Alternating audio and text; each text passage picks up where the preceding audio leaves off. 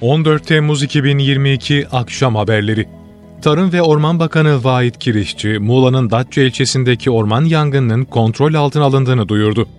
Ekiplere başarılı çalışmalar için teşekkür eden Kirişçi, yangın kontrol altına alınmıştır. Soğutma çalışmaları başlamış ve gerektiği sürece çalışmalar sürdürülecektir. Yaklaşık 300 hektarlık bir orman alanı bu yangında zarar görmüş ve 400 hektarlıkta tarımla ilişkili alanlarda da zarar söz konusu olmuştur diye konuştu. Kirişçi, 450 haneden 3520 vatandaşın tedbir amaçlı olarak tahliye edildiklerini, uygun yerlere nakledildiğini vurgulayarak 4 ağır hasarlı olmak üzere toplam 10 evin zarar gördüğünü aktardı. Sanayi üretimi Mayıs'ta aylık bazda %0.5, yıllık bazda %9.1 artış gösterdi.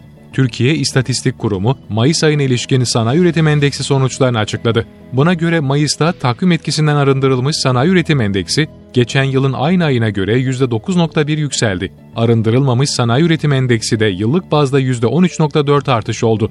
Mevsim ve takvim etkisinden arındırılmış sanayi üretimi ise Mayıs'ta Nisan ayına kıyasla %0.5 artış gösterdi. Mersin'in Gülnar ilçesinde yapımı süren Akkuyu Nükleer Güç Santrali'nde dördüncü ve son güç ünitesinin temelinin atılması için yürütülen hazırlıklarda sona gelindi. Tam kapasite devreye girdiğinde yılda yaklaşık 35 milyar kilowatt saat elektrik üretecek santralin, Türkiye'nin elektrik ihtiyacının %10'unu karşılaması öngörülüyor. Toplam 4800 megawatt kurulu güce sahip olacak santralin ilk ünitesinin 2023'te devreye alınması hedefleniyor. Kalan 3 ünitenin de birer yıl arayla 2026 sonuna kadar faaliyete geçmesi planlanıyor.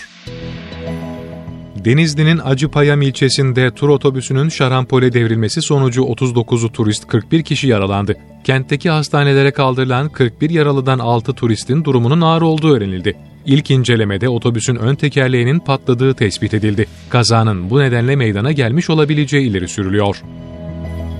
Haç farizasını yerine getiren Türk hacıların Türkiye'ye dönüşleri bugün başladı. Türkiye'den Medine'ye giden ve daha sonra geçtikleri Mekke'de hac görevlerini tamamlayarak hacı olan Müslümanlar, kutsal topraklara veda ederken hac yolculuğuna Mekke'den başlayan hacıların da ikinci duraklar olan Medine'ye intikalleri sürüyor.